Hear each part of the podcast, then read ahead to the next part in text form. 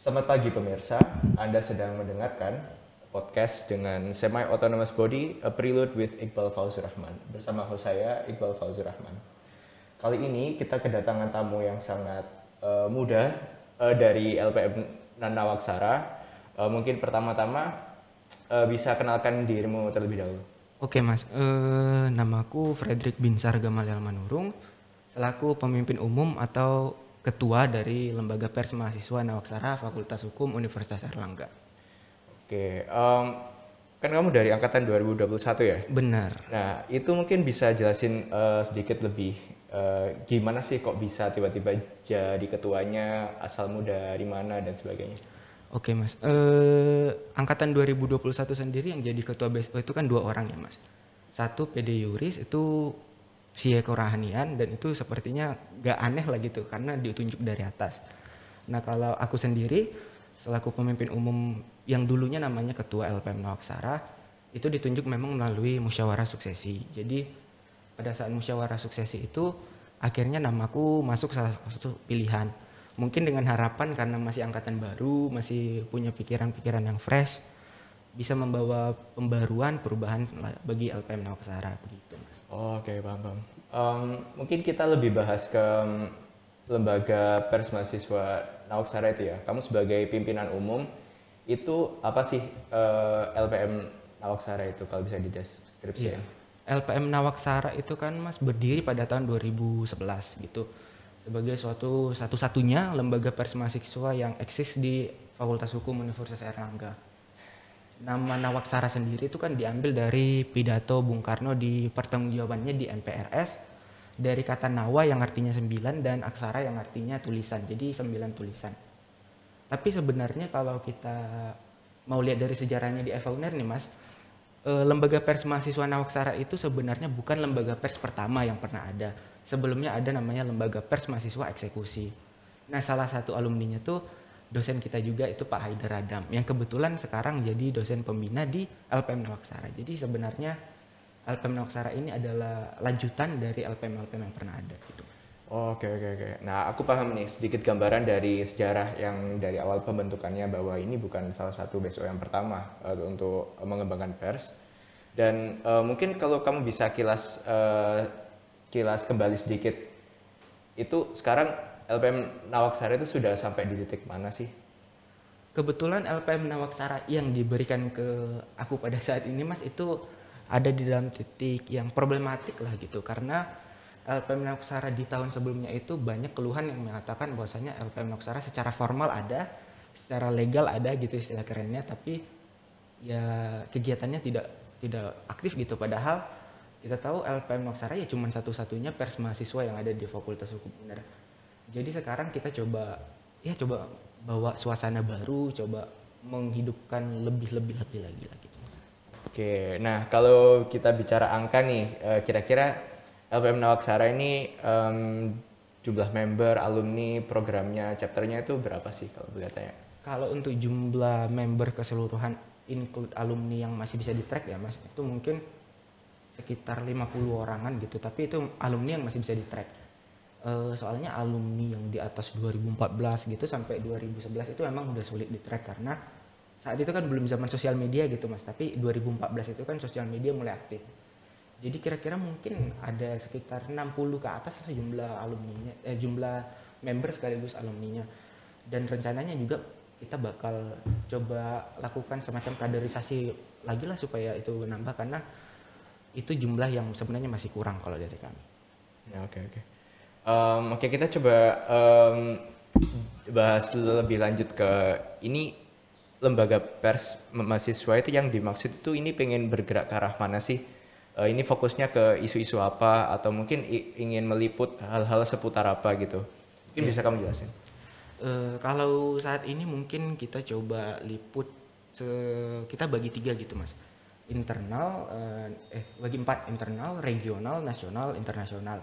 Tapi tentu di satu sisi ada problematika juga gitu. Kalau kita bahas nasional, kita pasti kalah dengan pers yang udah eksis, pers secara nasional. Jadi kita mungkin coba bawa diferensiasi lah. Kalau kita bahas sesuatu yang secara nasional, apa yang membuat pembahasan kita berbeda dengan yang lain.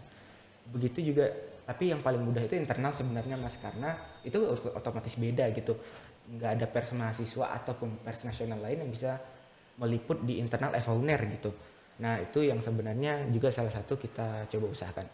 Tapi di sisi lain gitu mas kita berharap juga LPM tidak sekadar bergerak liput-liput doang tapi kalau bisa juga mendorong anggotanya itu untuk menulis. Menulis dalam artian uh, eh, BSO di Owner ini belum ada gitu yang benar-benar fokus hanya di kepenulisan. Uh, mungkin ada seperti BSO Mima masyarakat jurus muda Erlangga itu Alsa juga bahkan itu ada sesi kepenulisannya tapi dia kan tidak benar-benar fokus di kepenulisan jadi kita coba arahin member untuk ayolah kita belajar nulis bareng terutama di kepenulisan populer non akademis gitu mas Oke oke. Nah, um, kan untuk merealisasi implementasi dari apa yang kamu gambarkan tadi, bagaimana organisasi ini bergerak di uh, fokus liputan yang secara internal itu bakal digenjotin.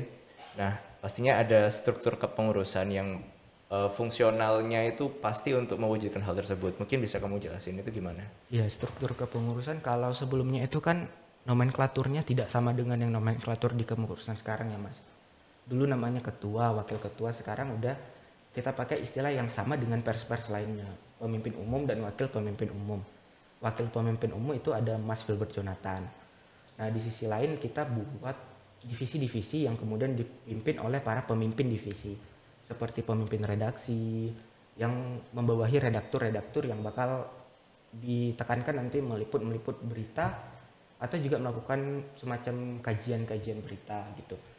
Juga ada divisi artistik yang bakal bertanggung jawab sebelum tulisan ataupun isu itu dipublish. Juga ada juga divisi PSDM. Nah, itu yang sekarang baru kita bentuk kembali di kepengurusan tahun ini supaya bisa menjawab pertanyaan untuk apa? Apa manfaatnya kita masuk LPM Nawakasara? Jadi PSDM ini bisa menjawab hal tersebut. Nah yang terakhir itu ada divisi humas dipimpin oleh pemimpin humas ya fungsinya seperti humas pada umumnya lah mas gitu. Yang tentunya setiap divisi saling bersinergi nanti. Oke oke. Nah uh, tadi kamu sedikit jelasin gimana divisi PSDM itu hal yang baru di tahunmu ya. Nah ini uh, aku mau uh, tahu lebih lanjut nih kan di PSDM tentunya untuk berfokus pada gimana uh, regenerasi, gimana bisa uh, proses kaderisasi itu lebih baik ke depannya atau diklat dan sebagainya. Nah mungkin kamu bisa jelasin nih uh, yang kamu alamin selama ini tuh gimana untuk proses uh, regenerasi, deskripsinya itu kayak gimana pas diklat?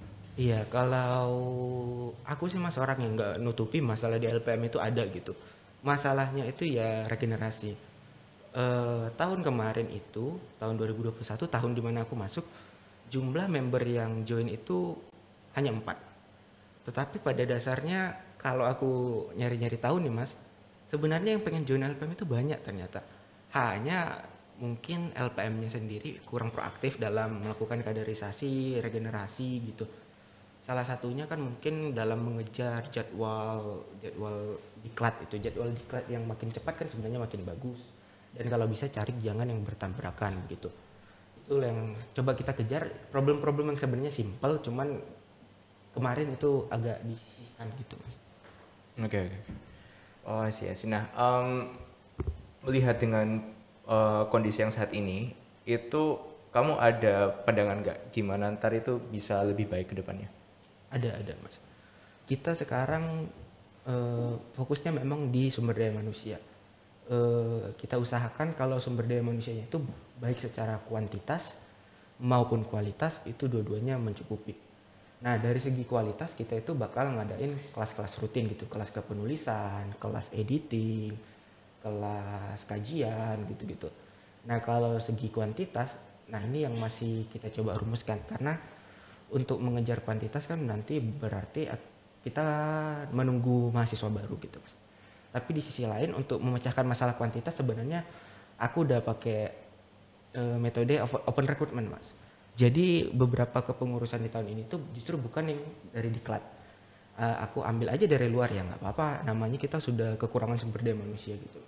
Dan rencananya untuk mematahkan lagi problem itu mungkin kita akan adakan open recruitment kedua di semester nanti untuk mungkin sekaligus cek ombak gitu mas. Apakah memang branding LPM yang baru ini mampu menjawab masalah itu atau ternyata tidak gitu. Oke. Nah, eh, kebetulan nih kita udah berada di penghujung dari podcast untuk episode pertama eh, dengan LPM. Nah, fungsi dari podcast ini sendiri adalah bagaimana dari BSO-BSO yang ada di Fakultas Hukum itu bisa terekspos lebih kepada masyarakat FH dan juga untuk bagaimana branding dan marketing eh, dari Fakultas Hukum dengan student activities-nya itu lebih ke depan. Nah, eh, mungkin aku berikan waktu buat kamu untuk eh, closing eh, statement dan juga eh, mimpin jargon dari organisasi ini. Oke, oke Mas. Eh, closing statementnya begini mungkin. LPM ini hanya ada satu di Evowner dan seharusnya dimaksimalisasi baik oleh anggota LPM maupun yang di luar LPM. Mari kita Evowner bekerja sama seperti podcast ini tujuannya itu ya demi Evowner yang lebih baik. Eh, tidak usah mikirin latar belakang BSO ya kalau BSO lain butuh bantuan, BSO lain emang ada kekurangan kita saling melengkapi.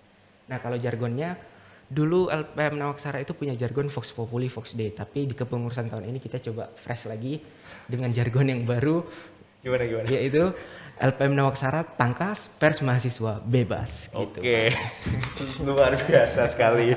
Oke, eh, terima kasih banyak em, para pendengar setia eh, on air law dengan podcast dengan segmen semi autonomous body A Prelude with Iqbal Fauzur Rahman.